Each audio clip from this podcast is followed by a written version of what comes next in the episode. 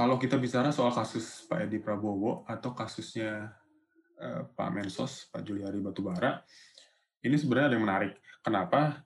Karena uh, modus korupsinya sejujurnya cukup sederhana. Box to Box Media Network.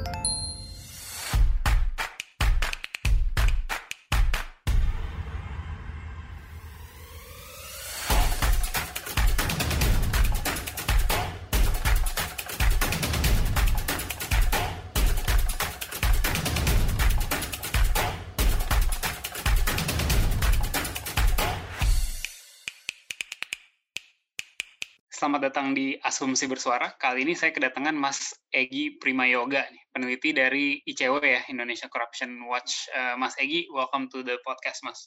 Halo Mas Ray, apa kabar? Baik, baik. Kita kali ini uh, ngobrol lagi sama ICW. Uh, eh, mungkin kalau pendengar Asumsi Bersuara yang ikutin setiap episode, tahu bulan lalu kita juga sempat ada ngobrol sama Mas Kurnia dari ICW ya. Cuman kayaknya banyak hal yang menarik nih soal uh, penangan penanggulangan korupsi di Indonesia dalam sebulan terakhir. Jadi kayak kita bisa banyak bahas juga nih sama Mas Mas Egi dari dari ICW soal ini Mas. Dan juga kan bulan bulan ini ini kan ada Hari Anti Korupsi Internasional gitu kan. Jadi mungkin kita bisa uh, momentumnya adalah buat buat ngomongin soal korupsi lagi gitu bulan ini. Um, mungkin ini Mas pertama-tama ya mungkin uh, sekarang di 2020 ini kan bukan 2020 bahkan ya mungkin dalam sebulan terakhir aja gitu. Itu ada banyak banget uh, bukan banyak banget mungkin ya ada beberapa kasus-kasus high profile yang dibongkar oleh KPK gitu kan mulai dari korupsi benur yang melibatkan uh, menteri KKP ya uh, Pak Edi Prabowo terus terakhir menteri sosial juga uh, kena gitu kan kasus korupsi bansos sudah dua menterinya uh, pemerintahan sekarang. Dan juga kayaknya ada beberapa bupati-bupati deh kemarin yang yang ketangkap juga gitu. Ini kan ini kan kayak membuat ada wah uh, eh, KPK masih bertaji ya. Padahal kan kalau kita bahas dari tahun lalu kayaknya uh, bleak banget gitu uh, melihat uh, pelaksanaan KPK yang baru. Terus kemarin juga sama Mas Mas Kurnia banyak bahas um, udah agak melempem lah gitu pe, pe, penanggung apa kinerja KPK setahun belakangan itu. Tapi ternyata dalam dalam sebulan terakhir tiba-tiba banyak nih um, uh, kas, uh, apa OTT OTT yang high profile gitu. Mas uh, Mas Egi ngeliatnya gimana Mas dari cewek? Oke. Okay. Uh, pertama mungkin saya mau bicara soal hari anti korupsi sedunia gitu ya. Iya, iya. Kita belum oh sudah ya sudah seminggu kayaknya kita hmm. uh, peringati Nah, dalam konteks Indonesia, dalam hemat saya sebetulnya uh, tidak ada yang perlu dirayakan gitu karena hmm. kondisi pemberantasan korupsi di Indonesia saat ini masih sangat muram. Paling tidak dimulai atau atau kalaupun tidak dimulai ya, paling tidak bisa terlihat dari revisi Undang-Undang KPK yang uh, disahkan tahun 2019 lalu. Begitu yeah. itu masih punya implikasi sampai hari ini. Hmm. Itu dan itu juga disusul dengan undang-undang lain yang disahkan, ada Undang-Undang Minerba, ada Undang-Undang MK, ada Undang-Undang Cipta Kerja, gitu. Jadi di tengah kondisi uh, itu sebetulnya kita sama sekali nggak patut merayakan uh, Hari Anti Korupsi secara uh, secara apa ya dengan ada yang uh, positif, begitu ya. Hmm. Itu yang pertama. Nah kedua kalau soal kasus ya ini juga tentu uh, seolah-olah menjadi sebuah angin segar gitu ya karena memang sejak tahun lalu kita semua pihak dan nggak cuma ICW bahkan eh, mahasiswa juga banyak yang turun ke jalan dan beranggapan bahwa KPK bisa semakin eh, lemah dengan revisi Undang-Undang KPK dan juga pengangkatan pimpinan yang bermasalah. Hmm. Nah, ada kasus-kasus yang ditindak dan dan melibatkan dan kasus itu diduga melibatkan menteri. Tentu ini juga perlu diapresiasi gitu ya karena di tengah kondisi serba sulit ternyata mereka masih bisa menindak kasus yang uh, melibatkan aktor-aktor besar begitu. Yeah. Nah, tapi saya rasa kita juga perlu memberikan catatan jangan jangan sampai hanya karena satu atau dua kasus permasalahan yang kita gaungkan dari tahun lalu KPK dilemahkan, uh, dikebiri dan sebagainya uh, itu itu dengan serta merta hilang karena sebetulnya problem revisi undang-undang itu tetap ada begitu itu yang jadi catatan pertama. Nah lalu selain itu juga kita tentu masih ingat ada kasus yang melibatkan salah satu politisi PDIP, Harun Masiku, Ya. Dia juga masih buron sampai hari ini, uh, sehingga sebetulnya uh, masih buronnya Harun Masiku menunjukkan bahwa bisa KPK semestinya menunjukkan bahwa mereka serius dengan pemberantasan korupsi di tengah kondisi yang sulit dengan menindak Harun Masiku dengan menangkap Harun Masiku. Hmm.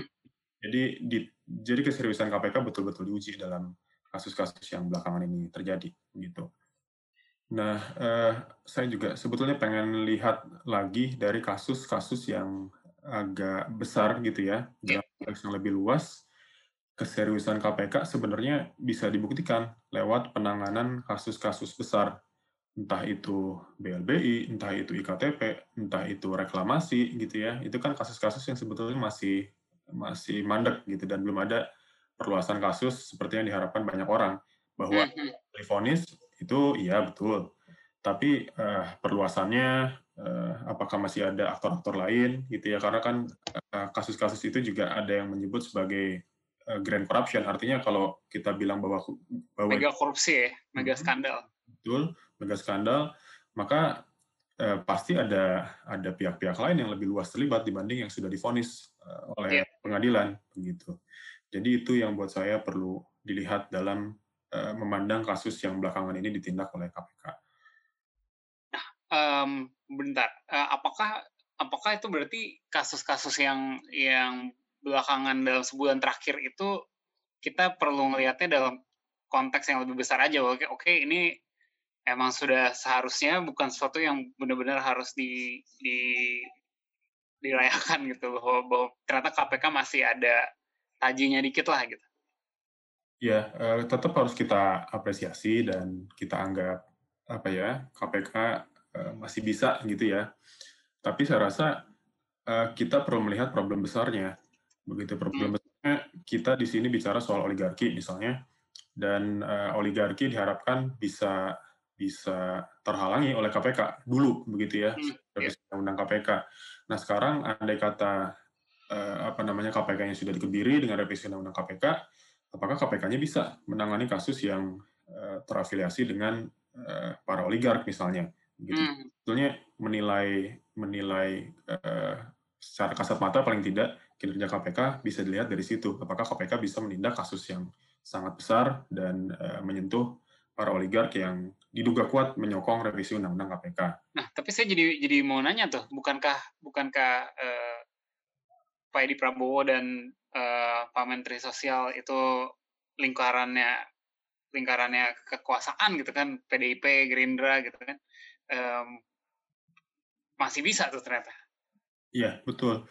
Eh, bahwa uh, ternyata kan Pak Edi Prabowo misalnya salah satu orang terdekatnya Menteri Pertahanan. Betul. Tentu, ya itu betul. Tapi saya rasa juga kan uh, kita perlu melihat apakah itu bisa betul-betul menyentuh uh, apa aktor yang lebih besar di balik itu. Iya. Yeah, Jangan-jangan, jangan-jangan saya curiganya ya, saya saya ini berasumsi aja. Jangan-jangan Pak Edi juga sebetulnya merupakan sebatas operator, jangan-jangan ya, tapi saya nggak bisa bilang begitu juga tanpa ada pembuktian. Nah, andai kata betul hanya sekedar operator, atau kalaupun dia ternyata adalah aktor yang main aktornya, tapi ternyata ada aktor lain yang belum disentuh, nah itu juga tentu harus kita lihat, gitu. Jangan-jangan memang KPK masih masih dalam penilaian kita yang sebelumnya gitu. Mas Egi sih jadi penasaran dengan dengan uh, statement barusan. Apakah sebenarnya sebelum-sebelumnya juga banyak yang kayak gitu yang yang dalam arti yang ditangkap tuh operatornya aja gitu. Mungkin di, di belakangnya uh, apa kakapnya masih aman-aman aja gitu. Apakah apakah sepanjang berapa ya 20 tahunan ini KPK banyak kejadian kayak gitu justru? Ya, kalau dibandingkan dengan KPK sebelum revisi 1919 ya, yeah. revisi Undang-Undang KPK, ada beberapa yang bisa kita kita harapkan. Misalnya ketika kasus reklamasi itu eh, keluar gitu ya, dan bahkan salah satu komisioner KPK waktu itu Pak Laude bilang ini kasus grand corruption, hmm. harapan sebetulnya bahwa KPK bisa bisa menyentuh eh, apa namanya bisa menyentuh eh, kasus itu gitu karena mungkin ada barangkali ada ada aktor yang lebih besar di balik itu. Nah, termasuk juga kasus-kasus lain. entah itu BLBI atau misalnya IKTP gitu ya. Barangkali ada juga aktor-aktor lain di balik itu. Nah itu tapi konteksnya KPK yang lalu. Saya nggak tahu KPK yang sekarang di tengah kewenangan yang sudah dipangkas habis-habisan dan juga diduga kuat ada oligarki yang mensupport itu, apakah kasus itu bisa dilanjutkan atau tidak? Gitu itu juga jadi pertanyaan besar buat kita semua. Saya juga penasaran ini salah satu salah satu hal yang menjadi menjadi kekhawatiran kita dari dari revisi UU KPK tahun lalu itu kan bahwa ada dewan pengawas yang secara langsung ditunjuk oleh uh, presiden. Jadi dan dan semua OTT semua penyadapan butuh butuh uh, eh, ACC dari Dewan Pengawas itu itu di mana kalau dia adalah orangnya presiden bisa aja nih dia um, ya ada ada insentif untuk me, me, inilah ya me, mengabarkan misalnya oh mau ada OTT terhadap si ABC gitu um, dengan ini dengan mereka bisa melakukan OTT ke dua menteri ini apakah berarti jangan-jangan udah di di ACC juga atau disetujui juga dari atas oh ya udah deh di, diambil aja gitu yeah, yeah. di, dibongkar aja kasus yang ini tapi yang itu jangan gitu jangan jangan ada indikasi kayak gitu nggak mas? Iya, iya bisa jadi uh, ya dengan pengawas tadi sudah berizin dan sebagainya gitu ya. Tapi saya ingin melihatnya begini hmm. bahwa revisi undang-undang KPK itu apakah ada pengaruh atau tidak terhadap uh, penindakan yang sekarang? Saya rasa sedikit banyak ada gitu ya karena uh, kita sebetulnya pernah mengeluarkan catatan juga di ICW dengan teman-teman uh, Transparansi Internasional Indonesia mengenai kinerja KPK dan kita juga punya catatan soal aspek kelembagaan, penanganan kasus dan sebagainya. Hmm. Dari aspek penindakan sendiri sebetulnya ini terlihat uh, uh, uh, menurun begitu ya karena waktu hmm. kita mengeluarkan catatan uh, hasil kinerja di di awal enam bulan pertama uh, waktu itu enam bulan pertama uh, Eh, pimpinan KPK yang baru uh, memimpin gitu ya. Uh, eh, OTT sendiri cuma ada dua jumlahnya. Baru kemudian memang setelah enam bulan pertama ada Edi Prabowo dan kawan-kawan gitu ya. Yeah, yeah. OTT. Tapi kalau dibandingkan dengan tahun-tahun uh, sebelumnya, misalnya di tahun 2016, uh, KPK enam bulan pertama menggelar 8 tangkap tangan. Lalu yeah. tahun berikutnya ada 6, ada 5 tangkap tangan. Dan tahun berikutnya lagi ada 13 tangkap tangan. Begitu. Jadi memang kalau dibandingkan dengan tahun-tahun uh, sebelumnya ini sangat sangat uh, apa berbeda jauh begitu ya drastis sekali. Nah saya uh, saya saya saya ingin melihat dari sisi itu gitu. Iya iya iya. Mas mungkin spesifik soal uh, korupsi dana bantuan sosial kemarin gitu itu yang kita concern adalah apakah jangan itu sebenarnya hanya apa ya hanya hanya sebagian kecil aja gitu dari kan kan dana penanggulangan corona kan begitu besar dan kalau nggak salah sih banyak pihak yang yang udah mewanti-wanti ini potensi untuk ada uh, apa ada ada permainan yang nggak benar sangat besar gitu dengan dengan dana yang yang disiapkan banyak dengan uh, urgensi tinggi untuk dihabiskan segera gitu kan. Um, Mas Egi melihatnya gimana nih Mas? Apakah apakah banyak potensi penyalahgunaan lainnya nih dari dari dana pen yang yang besar kemarin. Iya, saya rasa potensi potensi penyelewengan atau potensi apa ya pihak pihak yang ingin mencari untung di tengah krisis itu selalu ada begitu ya. Saya saya kalau bicara soal ini jadi ingat uh, aktivis dari Amerika si siapa namanya Naomi Klein. Hmm. Dia kan pernah juga menyampaikan tesis lewat karyanya The Shock uh, Doctrine ya bahwa yeah. lalu ada pihak-pihak yang mencari keuntungan di tengah krisis dan dalam hal ini kita sedang ada krisis kesehatan. Hmm. Dan saya rasa potensinya sekali lagi sangat besar. Uh, kita bisa lihat pertama kasus yang bansos itu kan uh, terjadi juga. Tapi di luar itu uh, kita juga melihat ada ada uh, apa, uh, kasus lain yang atau uh, insiden lain yang juga jauh lebih besar dibanding bansos seperti Undang-Undang Cipta Kerja, Minerba, hmm hmm. uh, apa Perpu Covid yang sudah disahkan jadi undang-undang gitu ya. Nah itu kan juga sebetulnya disahkan di tengah pandemi di mana pengawasan menjadi sangat lemah, publik nggak bisa uh, apa namanya mengawasi secara ketat, artinya mereka mencari untung di tengah-tengah kesempitan. Yeah. Bukan nggak mungkin juga. Tadi ada soal pen gitu ya, jumlahnya triliunan, ada ada ke BUMN uh, dan sebagainya gitu. Jadi itu juga buat saya perlu kita lihat uh, segala aspek yang dikeluarkan atau segala kebijakan yang dikeluarkan di tengah pandemi memang sangat rawan untuk dikorupsi. Jadi kita harus benar-benar melihat itu secara uh, secara lebih ketat gitu. Um, saya mau bahas juga mungkin soal ini ya mas soal uh, kemarin kan kita ada baru ngejalanin pilkada pilkada di tengah pandemi nih. Dan um, apa um, kalau dilihat sih kemarin yang yang isu yang ramai kan banyaknya uh, dinasti ya. Banyaknya keluarga kolega-kolega dari uh, penguasa sebelumnya uh, maju lagi atau atau atau anaknya siapa segala macam. Ini ada ada kaitannya dengan potensi korupsi juga nggak mas? Oke, pilkada ya. Iya. Uh, politik dinasti ini juga sebetulnya uh, lucu dan sekaligus memprihatinkan karena kita nggak tahu ini sebetulnya kalau kita beri contoh, kita ambil contoh uh, Jokowi yang mencalonkan siapa uh, anaknya dan menantunya gitu, hmm. Kita nggak tahu ini sebenarnya anak memanfaatkan bapak atau bapak atau atau atau anak yang memanfaatkan yeah. bapak. Saya nggak tahu mana yang lebih dulu gitu ya. Nah, itu juga uh, perlu di, dilihat gitu. Tapi itu tentunya juga memberikan contoh yang yang tidak elok buat perkembangan demokrasi kita ke depan. Gitu karena kan kalau kita bicara soal uh, politik dinasti akarnya uh, dari nepotisme. Nepotisme hmm. gimana sih? Dari feodalisme. Ini kan ini kan sebetulnya nilai-nilai lama yang pengen kita hapus ketika reformasi lahir. Tapi ternyata ini kembali lagi di demokrasi kita yang sekarang. Gitu ini jadi soal besar buat saya. Kenapa kita masih bisa melanggengkan praktik itu untuk uh, untuk terjadi lagi di apa namanya di era reformasi? Hmm, tapi, itu juga, tapi apakah hmm. apakah ada kaitannya dengan dengan uh, likeliness untuk um, melakukan korupsi atau yeah. sebenarnya nggak juga gitu sebenarnya memang mungkin ya nggak ada hubungannya ya Uh, memang kan begini ya, kalau kita bicara soal politik dinasti, uh, kita kan melihat motif utamanya.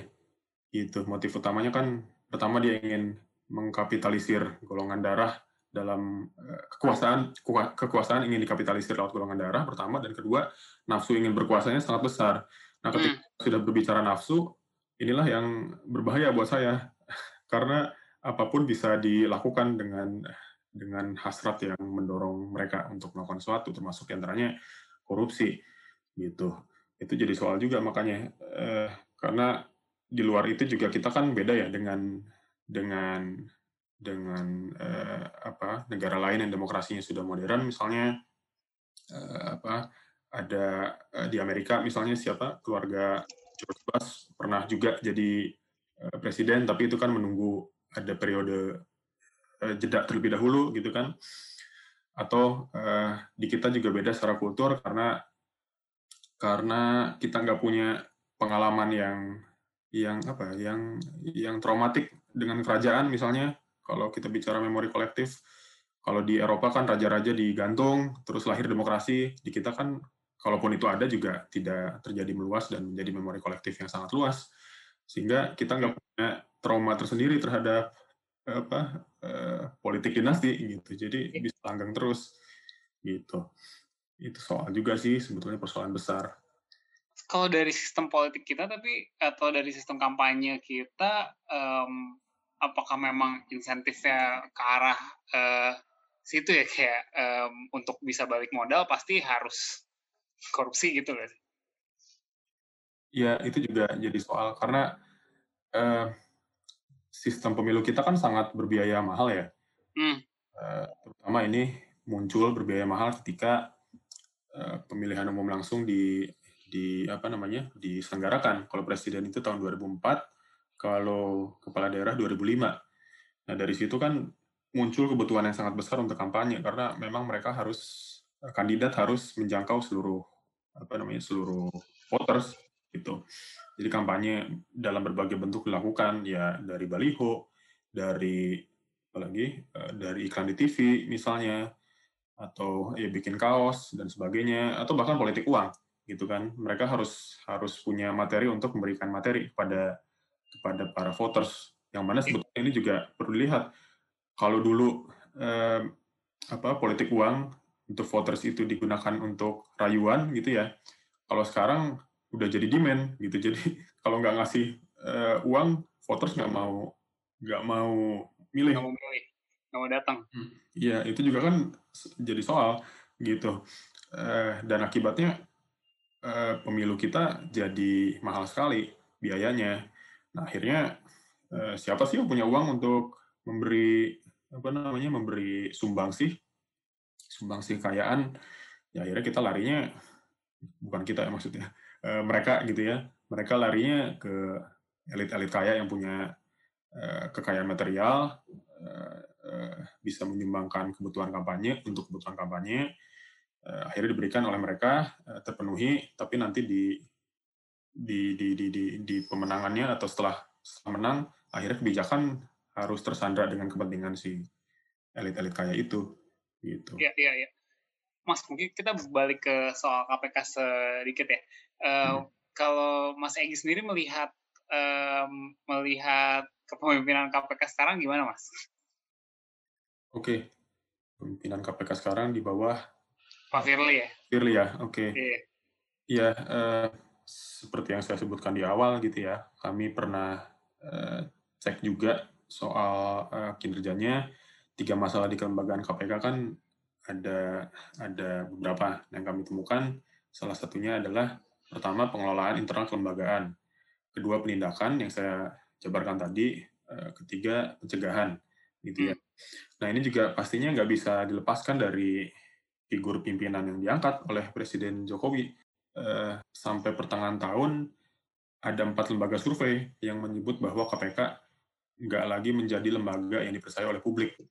Ya. Jadi ini juga uh, persoalan karena uh, apa publik nggak punya trust kepada pemberantasan korupsi dan bahwa bahwa KPK di tengah kepemim, di tengah kepemimpinan Firly Bahruri ya namanya tengah bermasalah gitu. Dan saya juga sebetulnya pengen nyatat soal ini tadi tapi saya lupa menyampaikan. Ya. Kalau kita bicara soal kasus Pak Edi Prabowo atau kasusnya Eh, Pak Mensos, Pak Juliari Batubara, ini sebenarnya ada yang menarik. Kenapa? Karena eh, modus korupsinya sejujurnya cukup sederhana.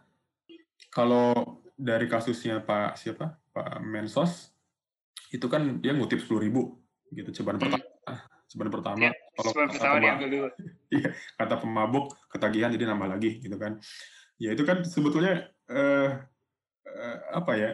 sangat sederhana gitu tidak tidak tidak rumit modusnya uh, pun begitu juga dengan Pak Edi Prabowo misalnya uh, dia cukup cukup jorok saya bisa bilang begitu karena uh, apa namanya rekening tidak dibuat uh, berlapis-lapis yang uh, uh, sangat uh, banyak gitu ya lalu juga uh, terlihat sekali apa namanya uh, dari dari para uh, pengusahanya juga bisa cerita perihal praktik kecurangannya.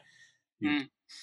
Nah, uh, ini kan uh, sekali lagi bukan praktek yang yang seperti misalnya bikin perusahaan offshore. Ya, nggak dicuci uangnya. Ya? Nggak dicuci uangnya, gitu. uh, atau misalnya perlu membuat uh, uh, atau mendorong undang-undang cipta kerja supaya bisa di apa namanya supaya bisa mendapat keuntungan secara jangka panjang. Pun begitu juga undang-undang minerba misalnya nggak seperti itu gitu. Jadi ini sederhana sekali sebetulnya gitu. Walaupun saya nggak bilang nggak penting juga nggak gitu. Tapi uh, itu soalnya. Nah kenapa pertanyaannya kenapa iklim tersebut terbentuk gitu? Kok mereka bisa iya. percaya diri sekali untuk melakukan praktik korupsi yang uh, yang yang yang relatif sederhana gitu, hmm. yang lain-lain gitu kan? Kalau dulu misalnya ada Pak Akil Muhtar uang disimpan di dalam tembok gitu ya, saya jadi ingat. Yeah film Breaking Bad iya film gitu kan iya ini kan beda sekali gitu ya kenapa iklim itu terbentuk nah kalau saya sih menduga sejak revisi undang-undang KPK ini disahkan sejak apa namanya eh, pimpinan KPK yang kontroversial dilantik mereka menjadi begitu percaya diri dengan dengan kasus yang untuk untuk melakukan eh, apa namanya eh, tindak pidana korupsi. Nah permasalahannya ada lagi nggak gitu koruptor-koruptor yang percaya diri tapi tidak tidak atau belum ditemukan oleh aparat penegak hukum. Saya rasa cukup banyak juga. Gitu. I see, I see. Itu mungkin bukan corruption perception index, itu corruption confidence index ya. itu bagus juga. mereka ya, mereka udah dengan dengan percaya dirinya, ya udahlah gini aja, toh nggak bakal ada yang nangkep gitu. Walaupun akhirnya apes juga ternyata. Ya. Iya. Uh, ini ini kayaknya satu satu poin yang yang menarik banget ya Mas Egi karena um, sebelum sebelumnya kan ya yang tadi Mas Mas Egi udah udah udah sebut juga gitu ya sebelum sebelumnya kan orang korupsi dia akan coba uh, cuci uangnya gitu kan dan mungkin harus ditrace dengan benar-benar benar-benar teliti gitu uh, mungkin dari pencucian uang yang baru ketahuan uh, underlying korupsinya apa gitu sementara kalau ini kan kayak benar-benar jorok banget gitu kan atau mungkin jangan-jangan juga dia kena ya karena terlalu jorok aja gitu mungkin udah udah terlalu terlalu iya. nggak yeah. nggak enak kalau nggak nggak di nggak ditangkap juga gitu uh, kalau kalau saya jadi mau nanya soal korupsi yang lebih sophisticated jadinya. Apakah um, apakah dari KPK atau ya penegak hukum kita ada niat juga untuk ngebongkar kasus-kasus yang yang mungkin lebih lebih sulit ya yang yang yang mungkin berlapis-lapis? Yang tadi misalnya ada um, pen, ya pencucian uangnya lebih lebih pintar dikit gitu ya dibanding dibanding yang dua ini mas. Oke, uh, ini soal apa hukumnya gitu ya. Hmm. Uh, saya jadi apa ya? Ya ingin bilang sih sebetulnya kalau kinerja penegak hukum gitu kan uh, sebetulnya hari-hari ini kita bisa bilang sangat buruk gitu. Hmm. Karena uh, kita pernah lihat juga uh, anggarannya besar, alokasi anggarannya yang diberikan ke APH gitu ya, baik kejaksaan, hmm. kepolisian atau KPK uh, mencapai 381 miliar Hmm. Itu di tahun ini aja.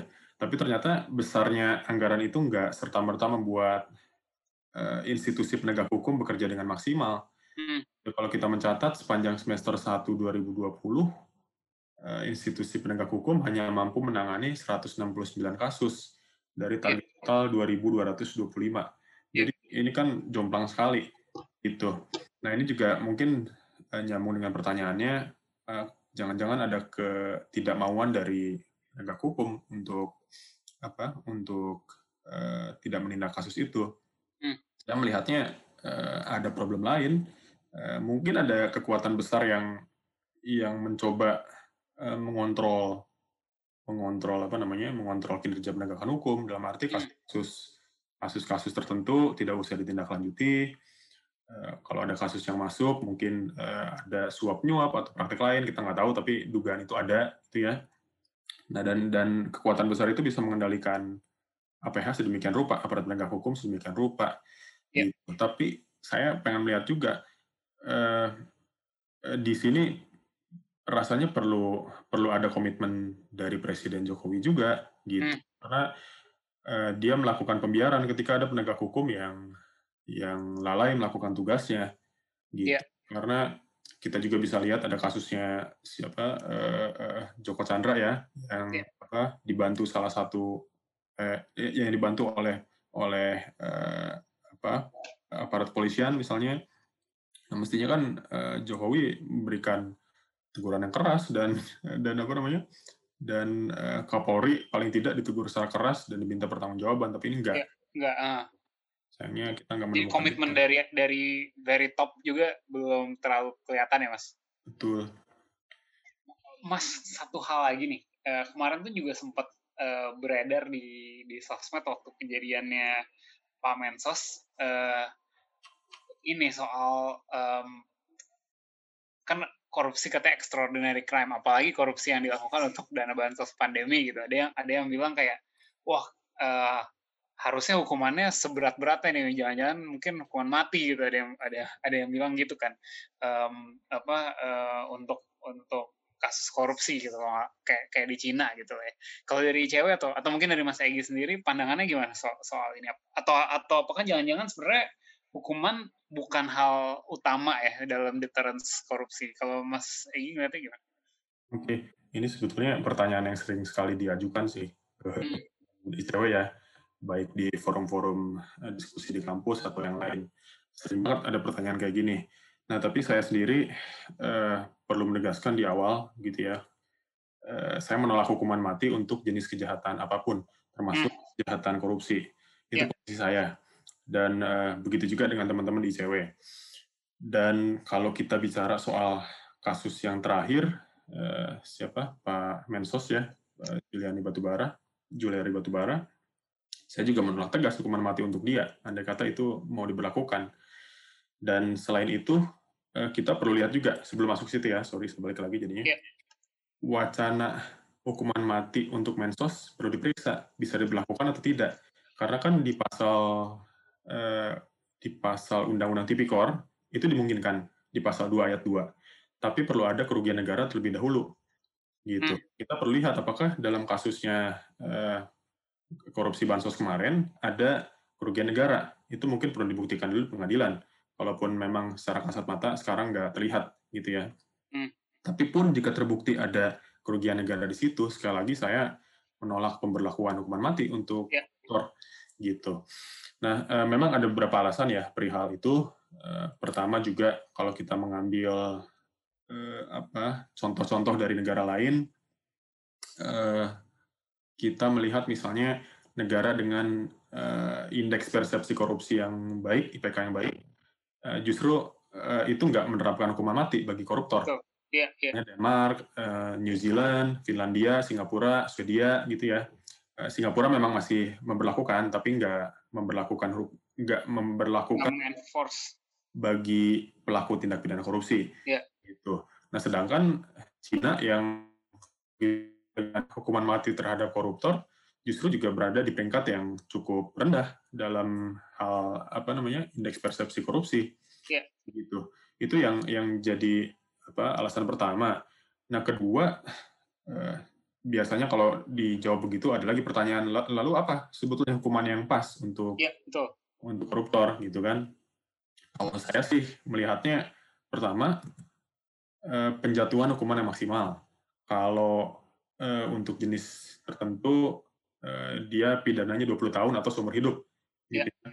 Ini juga pernah dijatuhkan ke mantan ketua MK Akil Mukhtar. Nah lalu kedua pencabutan hak politik.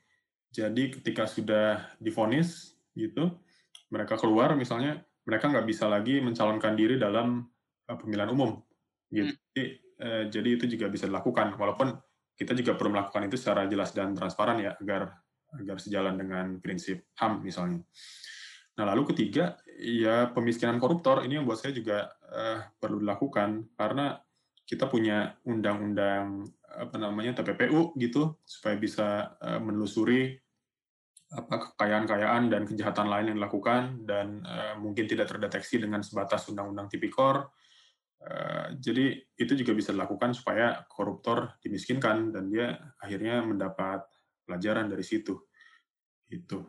Ya. Jadi perampasan aset gitu ya, paling tidak bisa dilakukan. Soal perampasan aset dan pemiskinan koruptor ini sebenarnya udah udah ada dasar hukumnya belum ya di Indonesia? Kita udah punya aturan hukum untuk uh, pemberlakuan hukuman itu nggak ya? Soalnya saya sering banget dengar soal koruptor hukumannya harusnya dimiskinkan, tapi apakah itu bisa dilakukan dengan dengan dengan hukum yang kita punya sekarang ya atau harus ada tambahan peraturan? Ya, ini juga kan sebetulnya paling nggak kita ngelihat dari TPPU dulu ya. TPPU hmm. kan kita bisa melihat tindak pidana lain yang eh, dilakukan dan kekayaan-kekayaannya apa uh, supaya bisa terdeteksi. Nah dari situ sebetulnya bisa dimulai perampasan uh, apa aset hukumnya gitu. Mungkin dia di, mungkin dia menyimpan apa namanya menyimpan di negara lain atau mungkin menyimpan di di, di Indonesia misalnya. Nah, saya rasa kalau misalnya kita bicara soal efek jerak gitu, ya walaupun saya juga mungkin masih masih debatable efek eh, apa konsep efek jerak ini pas atau enggak, tapi paling enggak bicara soal efek jerak itu bisa jadi salah satu uh, upaya gitu. Um, ini sih mas, um, yang membuat itu sebenarnya jadi penting kan karena kalau um, hitung-hitungannya nih ya, misalnya saya korupsi berapa ya, misalnya saya korupsi 30 miliar gitu, terus dihukum penjara, sekarang kan banyak hukuman penjara untuk koruptor hanya beberapa tahun gitu. Kelar-kelar kelar-kelar dari penjara saya masih kaya raya gitu. Mungkin orang berpikir, wah uh, insentifnya masih cukup tinggi nih buat melakukan korupsi gitu kan. Kalau tanpa ada aturan yang kuat buat dia somehow dimiskinkan atau dihabiskan semua asetnya, ya insentif ini akan tetap ada gitu kan. Walaupun dia di penjara pun ya udahlah penjara tiga tahun juga enak-enak aja hidup hidup di penjara kalau punya duitnya iya betul. Itu juga persoalan ya. Selain memang kita nggak apa namanya belum efektif untuk uh, melakukan perampasan aset karena namanya uh, kita belum belum megang produk hukumnya tapi kan ternyata satu koruptornya belum dimiskinkan dan kedua di lapasnya sendiri mereka mendapat keistimewaan.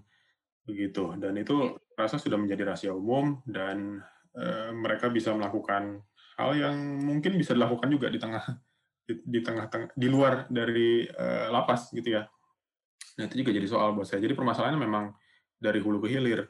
Dari soal hukumannya apa namanya masih uh, apa masih rendah gitu ya karena kita juga selalu menghitung vonis rata-rata uh, terhadap kasus-kasus korupsi.